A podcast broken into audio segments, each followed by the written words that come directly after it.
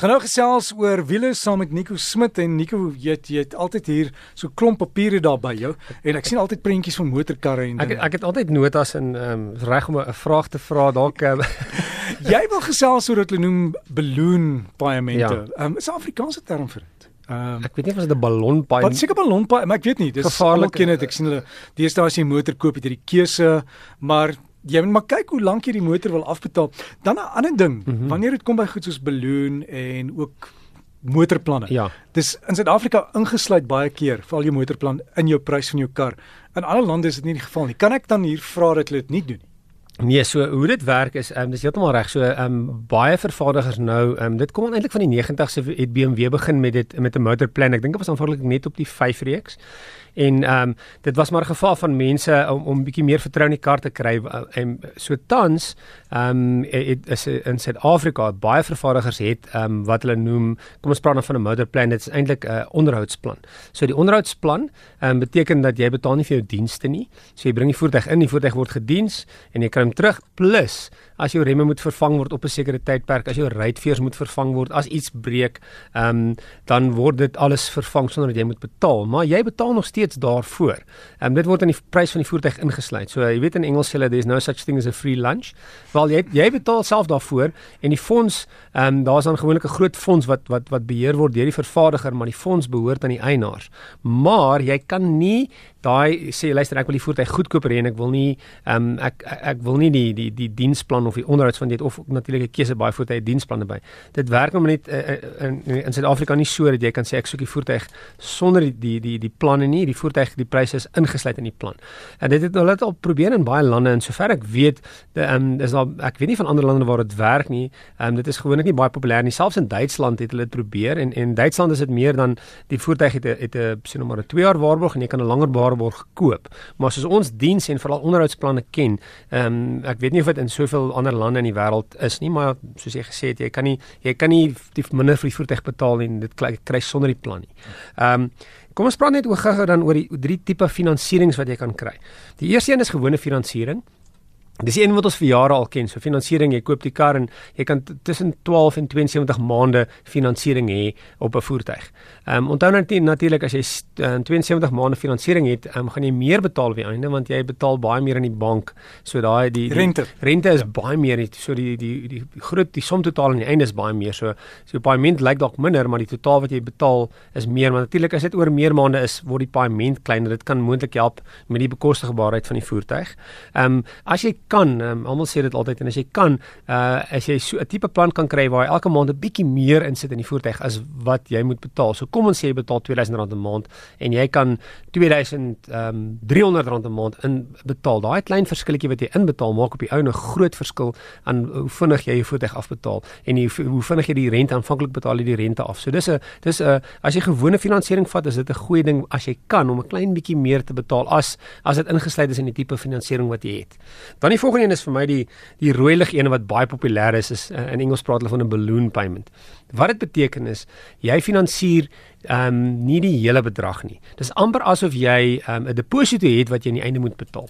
So jy kies die persentasie wat jy finansier. So kom ons ons gebruik 'n voorbeeld en sê jy sê luister ek wil 70% van die voertuig finansier met ander woorde jy het 'n 30% balloon payment. So dit beteken jy betaal dan 70% van die voertuig af oor kom ons sê nou oor oor oor oor 5 jaar. So vir 5 jaar betaal jy eintlik net aan 70%, maar aan die einde van die 5 jaar moet jy dan jou deposito gee of daai 30% moet betaal word. Wat nog 3 jaar kan neem. Dit kan wat baie maal gebeur, ongelooflik baie mense trap in daai struik is ehm um, wanneer jy dan in daai tydperk kom, is jou voertuig se waarde, kom ons sê jou voertuig se waarde is 100 000 rand, maar jy skuld nog 150 000 rand. Uh, dit gebeur met baie mense. En dan dan wat nou dan in Engels praat hulle van loading wat baie van die vervaardigers doen wat hulle nie mag nie of van die handelaars eerder nie is kom sê nie vervaardigers nie maar van die handelaars. Hulle sê wag okay so ons gaan jou 100 000 gee daai 50 000 sit ons nou by jou nuwe kar se prys. Met ander woorde hulle laai dan die nuwe prys met 50 000 om jou nou te help maar en dan sit jy weer 'n ballon by. So met ander woorde al wat gebeur is dit is 'n dit is 'n ongelooflike ehm um, slegte ehm um, stelsel wat jy nou inkom en jy kan nie weer uitkom nie. Dit raak net slegter en slegter en slegter. So pas op daarvoor. Ehm um, jy jy gaan altyd betaal daarvoor eers of jy nou vroeër betaal of later betaal. Ehm um, die vraag is altyd baie maklik. Vra vir die verkoopspersoon, sal jy dit aan jou ma verkoop? nie jou skoonma nie, jou ma. Ehm um, en as hy sê ja, ek, eh, eh, want dit dit laat baie mense dink want daar's min mense vir wie hierdie regtig goed uitwerk. Daar's mense wat dit wat balloon payments kan net werk, maar vir min mense, vir meeste mense ehm um, is regtig in die moeilikheid. So jy gaan as jy dit neem, gaan jy in daai siklus van skuld bly. Jy jy dis reg en die siklus ja. van skuld raak slegter. Die die die die die want nou moet jy geld bylaai om net die vorige kar wat jy nie kon bekostig of kon afbetaal nie. So nou is jou volgende paaiement is meer. Ek het al gehoor van skrikwekkende bedrae wat ek weet nie hoe die, die van die handelaars dit reg kry nie wat net die geld laai en laai en laai en laai mense is net meer en meer in die skuld. So koop eerder 'n kleiner kar wat jy kan bekostig. Pas op, regtig, dit is dis groot rooi ligte. En en hoe werk dit wanneer dit kom baie mense het versekerings wat dan die waarde van die motor dek, maar jy kan ook ekstra versekerings uitneem om die waarde van die skuld te dek. Sluit dit die balloon in of ek, nie? Nee, ek dink jy ons praat net van die finansiering, so die versekerings is dan iets anders. So die ja. versekerings is ook iets en is 'n goeie punt wat jy maak is om te kyk ehm um, wat die vervangingswaarde van jou voertuig teenoor wat jy skuld. En uh, die aan praat van versekerings, elke maand natuurlik na 'n jaar is jou jou, jou voertuig se waarde is minder, so jou versekeraar moet ook dan eintlik jou paaiement minder maak. Jy moet hom sê. Ja, so dit beteken uh, balance hoorie dis nou al 2 jaar of 'n jaar dat ek dieselfde paaiement betaal is ons kom ons kyk 'n bietjie na 'n nuwe bedrag. Die laaste een wat jy kan oorweeg in Engels praat hulle van 'n uh, guaranteed future value Partymal praat hulle van residual value, maar die die maklikste verstaane van is guaranteed future value. Uh, baie vervaardigers doen dit. Eintlik wat gebeur is jy's besig maar om om die voertuig te huur. So 'n guaranteed future value sê luister oor 3 jaar is gaan jou voertuig soveel werd wees. En as jy, kom ons sê, jy on, ons sê jy mag nie meer as 25000 kg of jy sê jy ry nie 5 meer as 25000 kg nie.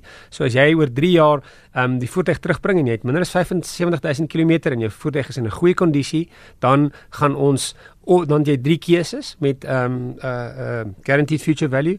Keuse nommer 1 is Ehm um, ons gee net weer vir jou nuwe voertuig en jy hou aan met die met die plan soos hy is. Keuse nommer 2 is jy koop hierdie voertuig by ons wat jy ehm um, basies gehuur het of keuse nommer 3 is jy gee hom net terug en jy stap weg. Daar's geen verantwoordelikhede nie. So met met 'n uh, guaranteed future value is jy basies besig om die voertuig te huur.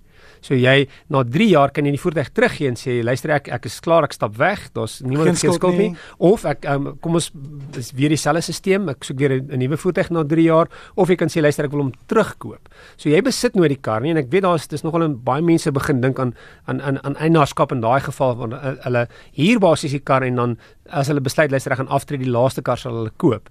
Weet net jy besit nie die kar nie en die belangrike ding is jy moet by die kilometer hou en jy moet by die toestand van die kar hou want as die kar in 'n baie slegte toestand toestand is of die kilometers is meer, dan moet jy meer betaal vir die ekstra kilometers. So, solank jy by die toestande hou en jy sê ek ry nie meer as daai kilometer nie, dan kan dit vir jou werk.